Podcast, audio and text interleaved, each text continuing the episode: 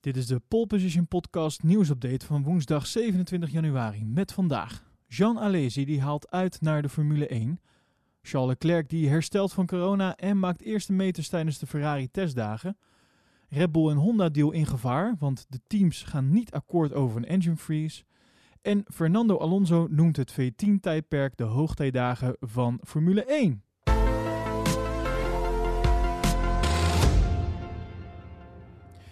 Ja, zoals je al eerder in onze nieuwsupdates uh, kon horen, is Ferrari deze week aanwezig op hun testcircuit in Fiorano voor meerdere testdagen. En voor Giuliano Alesi was het echter gelijk zijn laatste meters als Ferrari junior.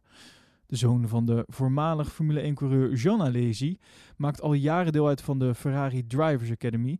En na een aantal seizoenen in de GP3 en Formule 2 mocht hij deze week zijn eerste meters rijden in een Formule 1-auto. Aan het einde van de dag maakte hij echt bekend dat dit zowel zijn eerste als zijn laatste ritje was in een Formule 1 bolide. En dat hij per direct afscheid neemt van de Ferrari Drivers Academy. En hij gaat dit jaar zijn hel zoeken in Azië. Hij zal daar bijna ieder weekend gaan racen. Dat kan in Europa niet, tenzij je heel veel geld betaalt, vertelt Alesi senior in een gesprek met Gazzetta dello Sport. Tegenwoordig moet je in de Formule 1 miljardair zijn en een team kopen, want anders kom je niet in de Grand Prix wereld terecht. En de zitjes worden namelijk geblokkeerd door coureurs van Frederik Vasseur en Toto Wolf, zegt hij geïrriteerd. En hiermee doelt hij op de coureurs die onder deze teambazen vallen. Een ander voorbeeld van een schandelijke zaak in de Formule 1 is Sergio Perez, volgens Alesi. Hij werd vierde en heeft een budget van 15 miljoen op zak en toch zat hij bijna zonder team voor het komende seizoen. Deze zaken moeten veranderen en het mag niet bestaan dat Hamilton als een gek moet vechten om betaald te krijgen wat hij verdient, Waarom moeten de jonge talenten in de sport betalen om een show af te geven? Het is een schande, besluit Alesi senior stellig. Ja, we gaan dus Alesi junior terugzien in Azië. En daar zou dus vaker gaan racen. Dus daar is senior dan wel weer blij mee. Er was ook positief nieuws vanaf het circuit van Fiorano. Namelijk voor Charles Leclerc. En dan heb ik het niet over zijn coronatest van twee weken geleden. Nee, het was nog even de vraag namelijk of Leclerc wel mee kon doen aan de testweek van Ferrari. De monegasc die raakte twee weken geleden besmet met het coronavirus en moest sindsdien thuis in Monaco in quarantaine. En inmiddels is hij negatief getest en heeft hij zijn eerste meters van 2021 erop zitten in de SF71H, de auto uit 2018. Leclerc moest er wel even aan wennen, want uh, niet lang nadat hij naar buiten was gekomen schoot hij uh, van de baan en was hij aan het gras maaien. Maar uh, Verder niks ernstigs. Voor Ferrari is het vandaag de derde dag van de complete vijfdaagse testweek op Fiorano. Op de eerste dag kwamen Giuliano Alesi, Marcus Armstrong en Robert Schwartzman in actie. Gisteren was dus de beurt aan Charles Leclerc en vandaag reed Carlos Sainz zijn eerste meters voor de Scuderia. En donderdag en vrijdag krijgen Mick Schumacher en Callum Ilott de kans om de auto te besturen.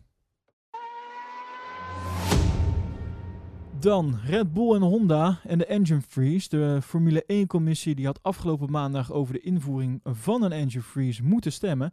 En van de 34 stemmen heeft uh, Red Bull dan 27 nodig om dan ook de Engine Freeze ingevoerd te krijgen. Maar deze stemming is niet gehouden. Een bron bij Red Bull vertelde tegen Racing News 365 dat de goodwill die er afgelopen vrijdag nog was, ja, die was maandag plots verdwenen. En het bleef de afgelopen dagen dan ook lang stil over wat de uitkomst van die stemming nou was. Nou, nu blijkt dat de Formule 1-commissie die beslissing voor zich uit heeft geschoven. En Red Bull moet daarom twee weken langer wachten op uitsluitsel over de bevriezing van de ontwikkelingen van de motoren. Een akkoord was in de maak, maar nu is er toch weer een kink in de kabel gekomen. En er zijn nieuwe vragen en eisen op tafel gelegd over het gelijktrekken van de performance en het moment van invoering van de nieuwe motorformule. Formule 1-directeur Ross Brown die bevestigt dat de kwestie nog in bespreking was. Ja, en wat zijn dan die bezwaren? Nou, een aspect waar niet iedereen even bij me was, is dus de balance of performance systeem.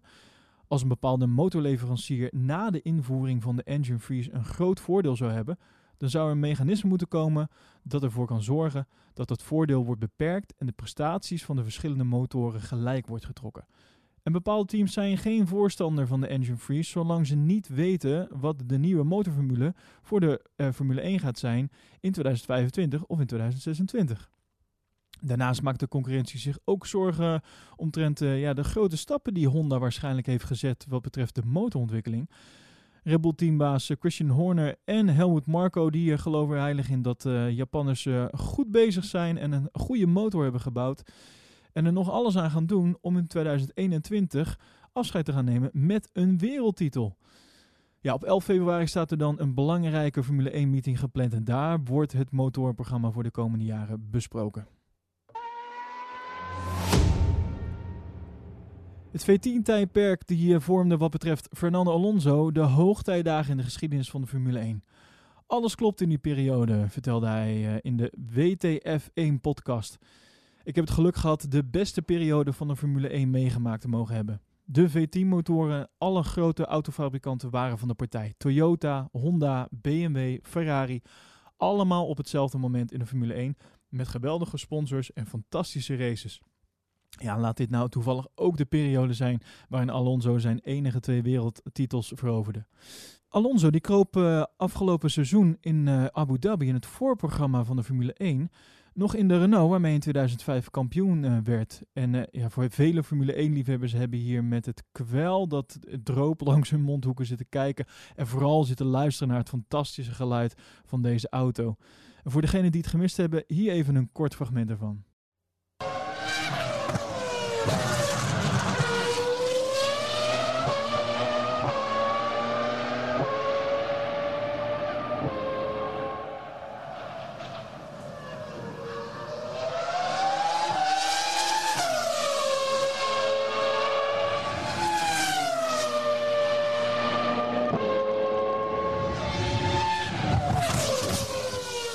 Ja, wat een fantastisch geluid is dat ook. Ja, een aankomend seizoen is Alonso na een afwezigheid van twee jaar weer te bewonderen in de Formule 1. En hij komt dan uit voor het Alpine F1 team. Ben je nou ook zo'n fan van de V10? Laat het dan weten in een reactie op onze Instagram post op ons Instagram account polepositionnl. En daar lees je ook meer nieuws en feitjes. En vergeet je niet te abonneren op deze podcast via jouw favoriete podcast app om op de hoogte te blijven van het laatste nieuws over de Formule 1. En vind je deze updates nou leuk en wil je ons financieel steunen? Kijk dan even op petje.af slash voor alle mogelijkheden en leuke bonussen.